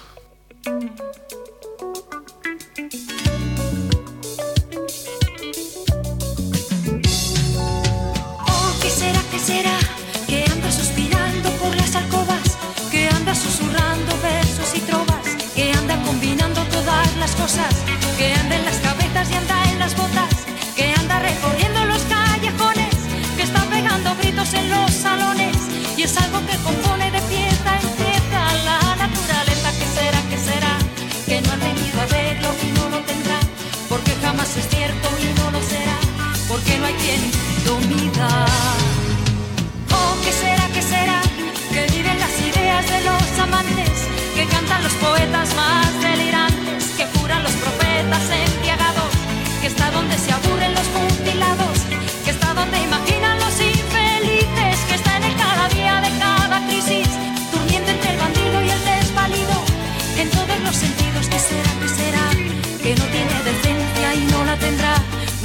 estar prohibido y no lo estará, pues no tiene sentido.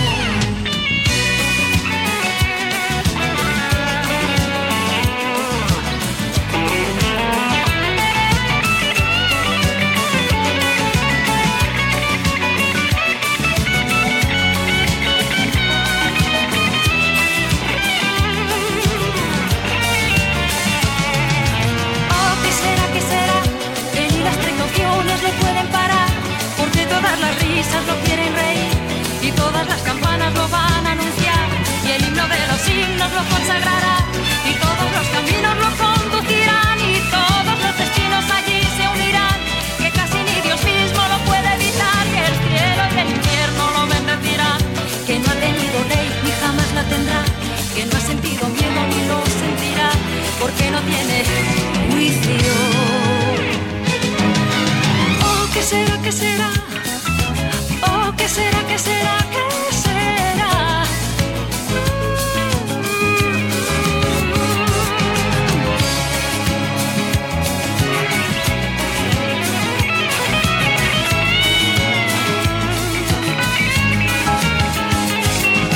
Oh, qué será, qué será? Que ni las precauciones no pueden parar.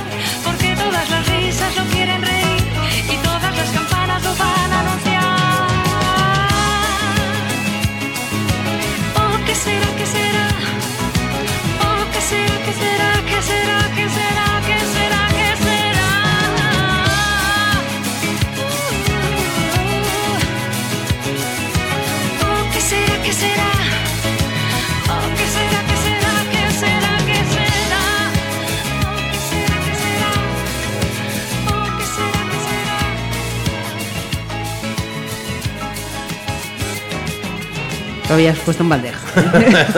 Lo habías puesto en Pues es, que, bandeja. es que me acuerdo que era una voz sensual, yo tenía 14, 15 años, me acuerdo que la escuché por primera vez en Vila de Cruces, en casa de los hijos de mi tía abuela, y me, me la pusieron con cascos, yo nunca había escuchado música con cascos, me subieron el volumen y me quedé prendado ya que de mujer, después la vi la cara del disco y ya me, todas las canciones de Ana en Río, Géminis, que fue después, eh, bueno, esta canción eh, tiene unas maravillosas, eh, después el hombre al piano, que será, eh, bueno, a Belén- nadie puede ser indiferente a Belén.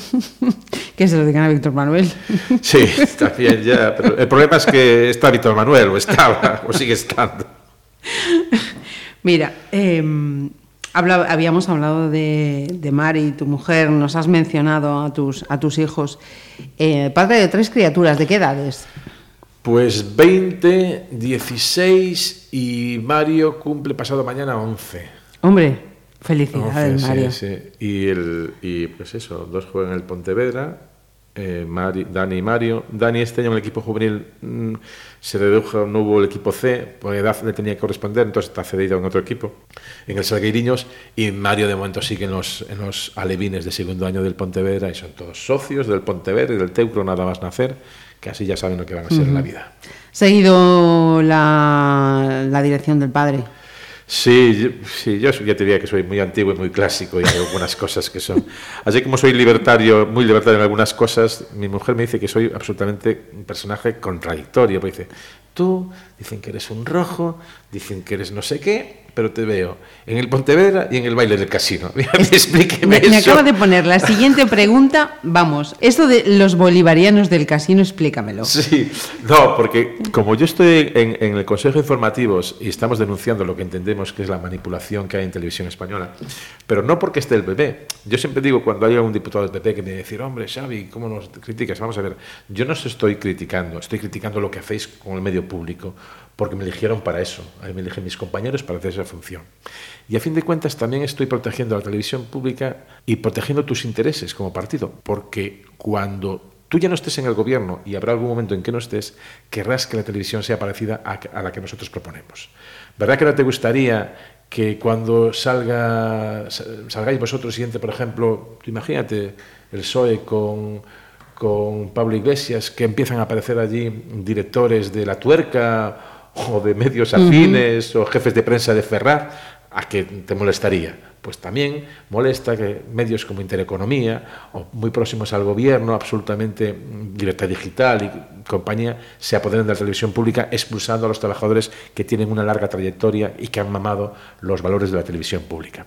Entonces me empezaron a llamar bolivariano, sobre todo Alfonso Rojo, me llama lechero, bolivariano, este tipo de cosas. Entonces un día estaba en el casino con mi smoking, con María, mi chica, es mi mujer, pero yo le llamo siempre mi chica, nos hicimos un selfie diciendo aquí el bolivariano de Pontevedra, en el casino, junto a Mariano Rajoy, porque estaba por allí cerca también. Con lo cual, sí, a mí me gusta un poco, cada uno tiene que ser como es, a mí me, gusta un poco pues eso, el tono decadente absolutamente de algunas fiestas de Pontevedra, me parecen maravillosas, reconozco que algunas cosas no, no, no están bien, pero es que a mí me gustan, yo qué le voy a hacer. Y entonces, claro, como me sitúan unos, no porque yo quiera, porque quieren ellos, en un entorno, pues eso, bolivariano, no sé qué y tal, lechero y tal, que me vean con smoking en el casino, pues le rompe los esquemas. Los esquemas. Vamos a romper un poco esta, esta conversación. Luego quería eh, seguir para hilar con otra cuestión. Gabinete Caligari. Ah, bueno, gabinete. Es que gabinete, mira, gabinete, esto es volver de nuevo a, a mi primera escapada a Madrid antes Te voy a de- decir, esto está en los años 80. Claro, eh, 84. Eh, esta canción que va a sonar, eh, que es una canción brutal, bueno, a mí me Brutal.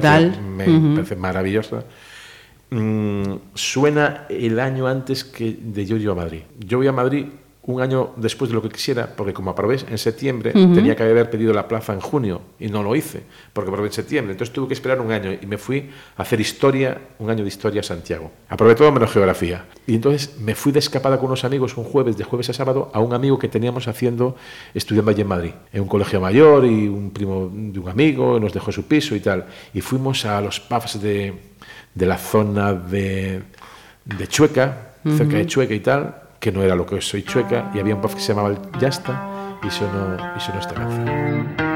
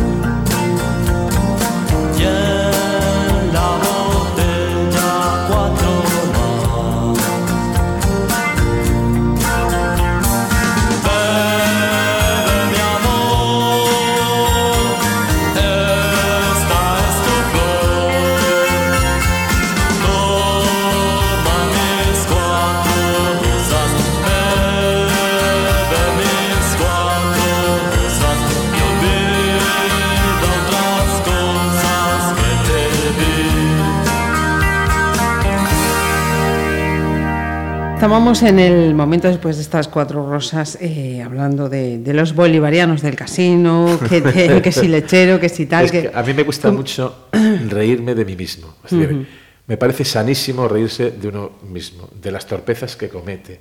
Porque también me gusta reírme sanamente de las torpezas que cometen los demás. Rojo del casino, eh, del Pontevedra y algo que cada vez está peor visto. Cosa de lo cual yo me eh, enorgullezco de mí mismo y de mi afición, efectivamente, de los toros. De los toros, sí, ¿Qué ya coño mira. pasa con, Mira, con el tema taurino? toros, vamos a ver, los toros. ¿O qué Yo- les pasa a algunos? Yo, eh, yo he llegado a ese, a ese momento de, de reconocer que haces cosas que están mal. Pues posiblemente esté mal yo los toros, porque estás apoyando algo que es muy duro y cruel. Yo lo reconozco. El debate sería eterno. Eh, yo tengo muchas dudas, pero a mí el riesgo de un tío ante un bicho de 600 kilos con dos pitones como dos armarios me, me parece que es algo que no te puede dejar indiferente y que forma parte de nuestra historia, para bien o para mal, y que me cabrea mucho cuando se asocia a determinada ideología, a una concepción de la España rancia y casposa. Eh, ha- yo conozco a Padilla, mm, vía interpuesta, mm, por un amigo común de la LIN, le mandé un tuit, un tuit, un mensaje privado, dile que esto nos hace mucho daños, daño a los que nos gustan los toros, siendo absolutamente eh, digamos, aceptando que haya gente que no le guste.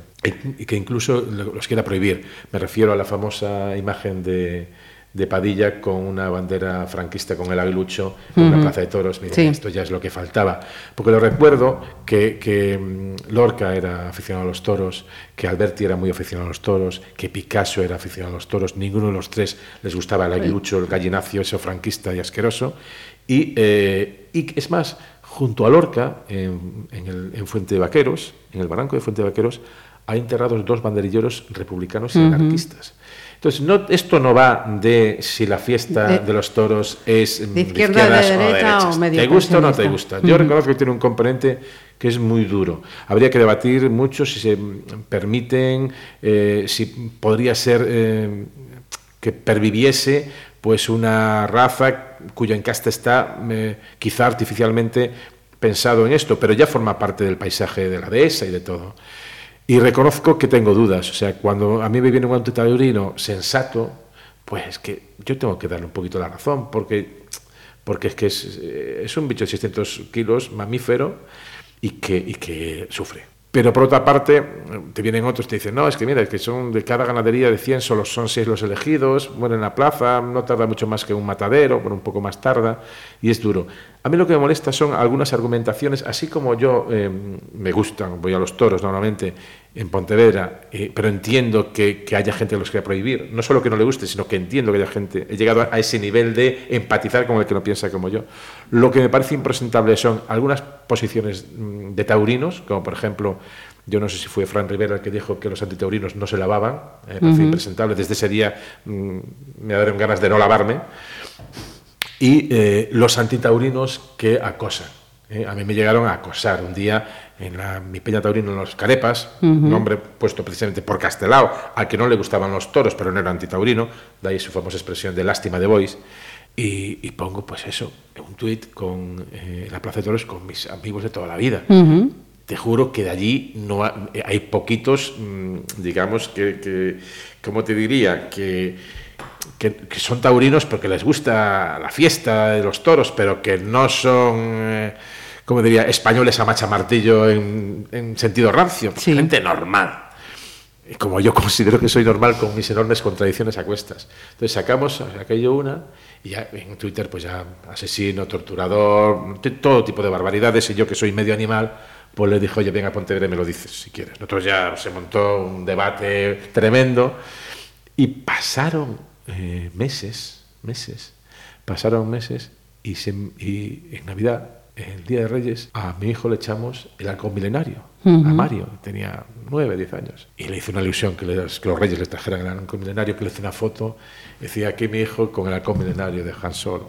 No tardarían ni tres minutos También en devolverme el tweet, tuneando la foto, cambiando el texto y poniendo una foto, la misma foto de mi hijo, pero en vez de con halcón milenario, con una pancarta que decía, papá eres un torturador. Ese es el, el nivel de la agresividad que hay en las redes. Y yo te digo que tengo muchísimas dudas de los toros, o sea, es que a veces me entran muchísimas dudas. A, mí- a mí el espectáculo de un torero con un toro me parece que es mm, algo que no te puede dejar indiferente, pero entiende perfectamente no solo al que no le gusta, sino al que lo quiere prohibir. Yo en ese debate entro.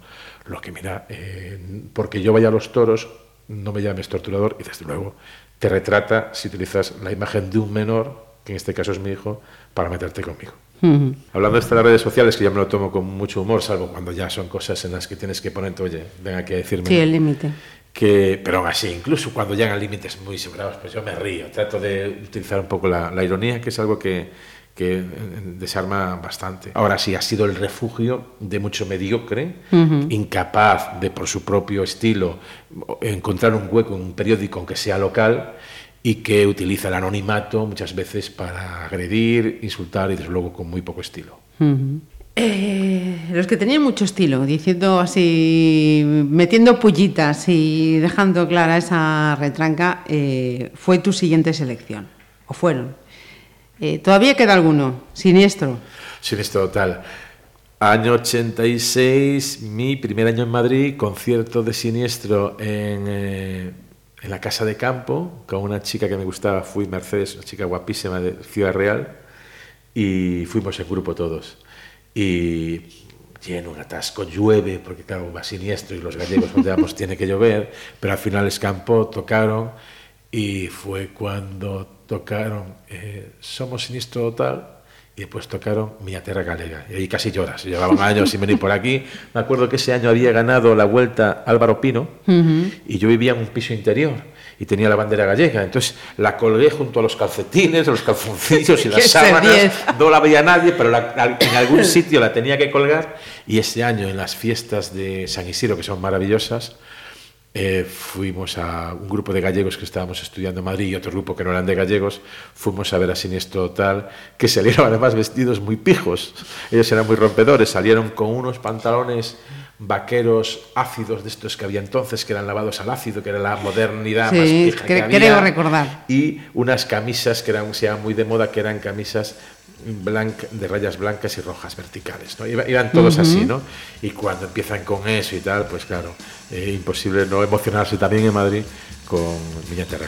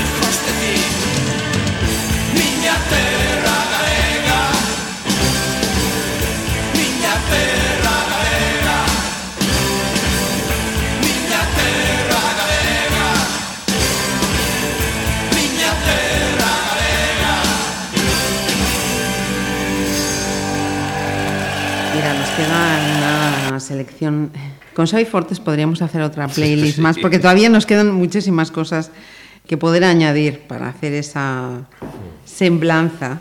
Y por ahí quería preguntarle, porque en su momento, Amigos de Pontevedra lo, lo reconoció. Ah, sí. sí. Y este año te has visto, y a partir de este año ya te has visto en la tesitura de tener que ser tú Sí. quien haga esas semblanzas. Sí, sí, ¿Cómo, ¿Cómo va ese reto? ¿Cómo ha sido ese primer reto? Primero, la, la vez que me, me dan eh, el premio Amigos de Pontevedra, eh, yo de broma, que soy, como sabes, mi futbolero, dice, dije que, os digo, que yo ese año eh, gané el tridente antes que el Barça, ¿eh? porque me habían dado el micrófono de oro que me entregó Luis del Olmo en Ponferrada el- en su última edición, se lo olvidaron hacer. Ese mismo año me llama Lores para ser el pregonero de las fiestas de Pontevedra. Y yo seguía en Madrid. Y según me llegó el alcalde, pues a llorar, joder, pregonero de las fiestas de Pontevedra, al poco el micrófono de oro, y ya el culmen fue cuando ese mismo año me llaman para Amigos. ser amigos de Pontevedra un tri- un tridente, un triplete, como se diga. Además, hubo que entrenar duro. Yo decía que había que entrenar duro porque para cumplir con todos los preceptos del buen Pontevedrés tienes que ir a la carroza, a tomar el vermú al parvadas, a la comida de amigos de Pontevedra, luego si quieres o no los toros, en ese tema no me voy a meter ya para que no me den más cornadas, y luego al baile del casino, que en ese aún sí que me meto.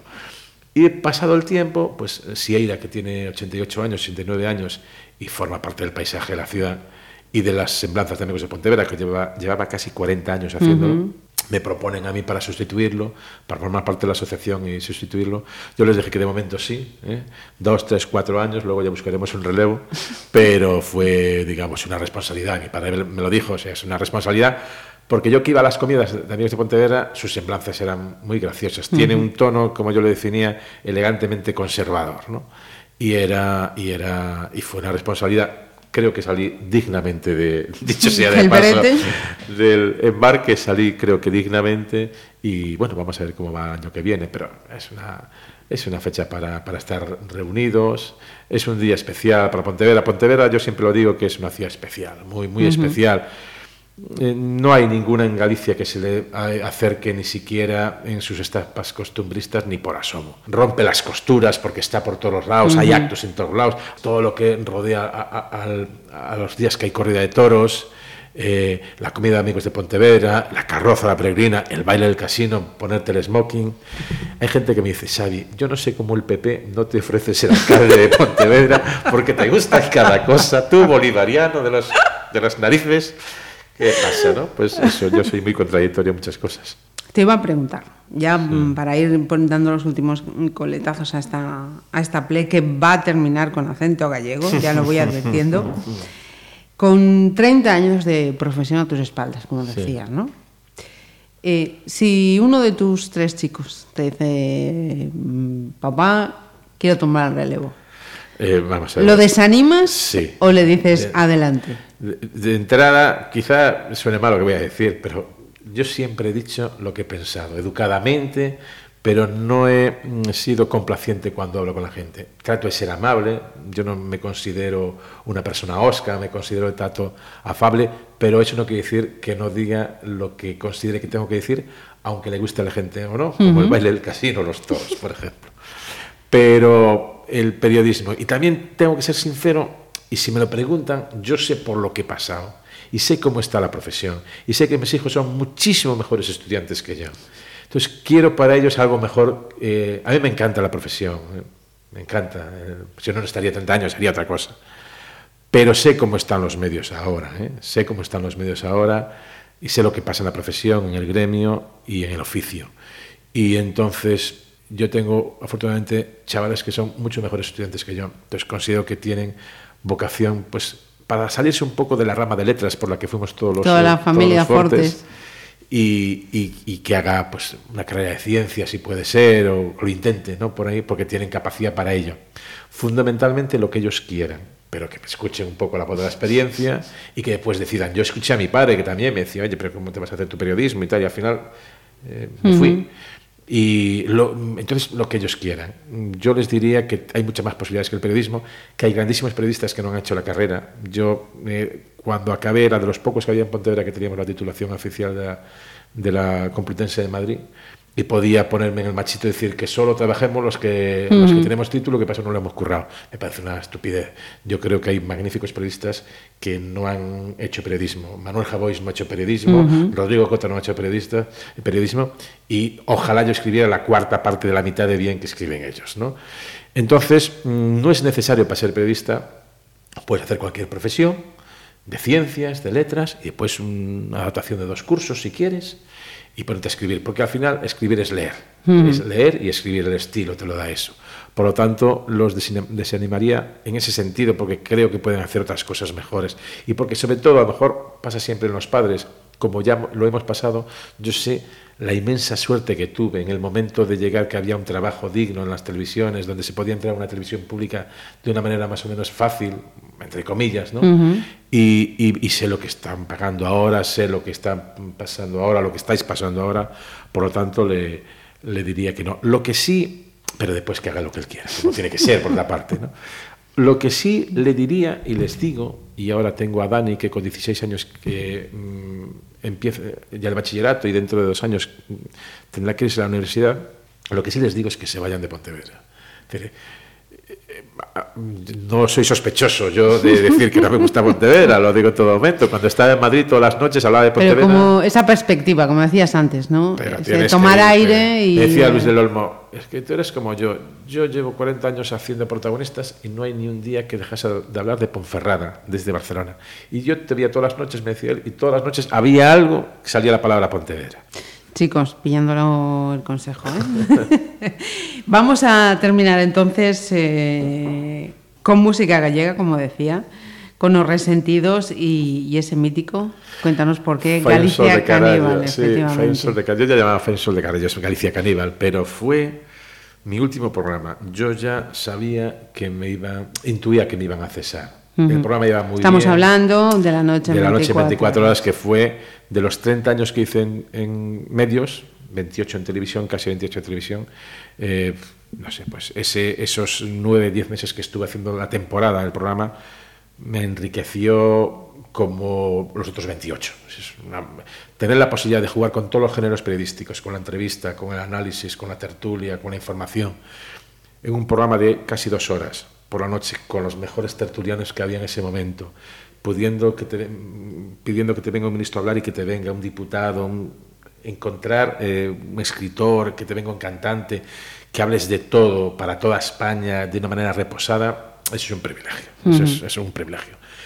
Pero, y nos iba muy bien, los datos de audiencia eran muy buenos, eh, nuestra proyección y penetración urbana era muy potente, era un programa selectivo porque era un canal temático, pero muy visto por, pues por eh, dirigentes eh, políticos y económicos del país. eh, me, llegaron a, a llamar desde el entorno de la Casa del Rey un día para, para hablar con su jefa de prensa. O sea, sabíamos que tenía una penetración muy potente en, en lo que es el sector urbano, sobre todo, y político. En el exterior, en las embajadas, se veía mucho.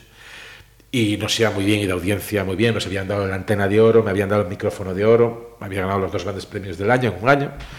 Pero yo hubo el cambio de gobierno, se cargan a Fran Llorente, que era el director de informativos. eh, a- eh, Pep- Pepa Bueno ya lo ve rápido, se va. Y quedábamos por la mañana eh, Ana Pastor y por la noche quedaba yo.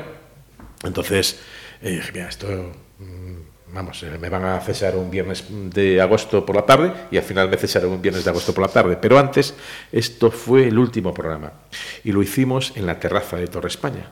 Entonces queríamos tener algo especial. Entonces estábamos hablando, habíamos intentado con Imanol Arias, que, a que había conocido y era un fan del programa, en la entrega de los premios Micrófono de Oro en Ponferrada, y, eh, pero tenía un rodaje fuera. Y entonces dije yo, mira, acaban de, elegir a Antón Reisa, que es paisano, y yo lo conozco un poco, como mm, presidente de las GAE y era además eh, un órgano como se ha visto posteriormente y ya en ese momento muy polémico. Yo creo que Antón salió genial, entró en un nido de víboras, lo trató de limpiar, le picaron, tuvo que irse, pero quedó con mucha dignidad. Entonces dije yo, vente Antón, yo recuerdo que estaba a mi lado a José Luis Regalado, que era mi editor. Yo era el director y presentador del programa y tenía un editor, que es el director de las dos noticias que se acaban de cargar por dar los famosos audios, entre otras Ajá. cosas, de Fernando Evia, un periodista como Dios manda, que da, que cuenta lo que pasa, ¿no? Le gusten a unos o no. Y entonces estaba José Luis Regalado a mi lado Y yo tratando de convencer a Anton Reiser de que acaba de llegar a las GAI, de que viene la noche 24 horas, un programa especial y tal, y no quería. Y yo le dije, mira Anton, si vienes, canto eh, yo contigo, fai un sol de carallo en directo. Entonces veo a José regalado diciendo, pero qué dice, pero qué Las hace? manos ¿Pero a la qué hace?". cabeza.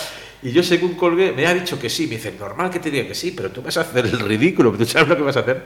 Y al final hicimos una tertulia muy bonita, me hicieron, eh, que yo no lo sabía esto, voy a presentar ya el último momento, que es cuando me voy, me levanto de mi asiento, no tengo, y me voy a una zona del plató para cantar con Anton Reisjak, y tenía que explicarlo por qué iba a hacer aquello. Y antes me hacen una pequeña jugadita que me encantó, que yo no sabía nada. Voy a despedir y me dice Ana Gamar, que ahora está con Ferreras en Al Rojo Vivo, otra de los que fueron cesadas. Dijo, eh, Xavi, pero antes vamos a ver unos momentos muy fuertes. Y entonces me ponen toda mi amplia retaíla de gazapos que toda esa temporada donde me equivocaba de entrevistado, me equivocaba de pregunta, me confundía, salía lo de Pontevedra. Un día me acuerdo que me dice Cándido Méndez, bueno, con esa pasión no recitas tú la alineación del Pontevedra. Y yo empiezo, Azcueta, Batalla, Cholo, Calleja, Valleja, de Fuertes, Martín, Esperanza, Cerezuela y Odriozola, por ejemplo. Y todos esos los comprimieron, y, fue- casi me pongo Un regalazo. Y después ya salimos a, a cantar, a cantar con un chico que tocaba la guitarra, los dos falló un sueldo de carallo y, y nada, y ya fue mi última intervención en la noche 24 horas, porque una semana después, debe ser que no les gustaba Reis a los responsables de televisión, pero me cesaron. Tienes total libertad si quieres rematar también esta playlist No, cantando no, con no. resentidos. ¿eh? No te voy a cortar. Eh, de verdad, Xavi, ha sido un placer. Placer, con un sido maestro, voy a Ya, decir. sí, lo te digo.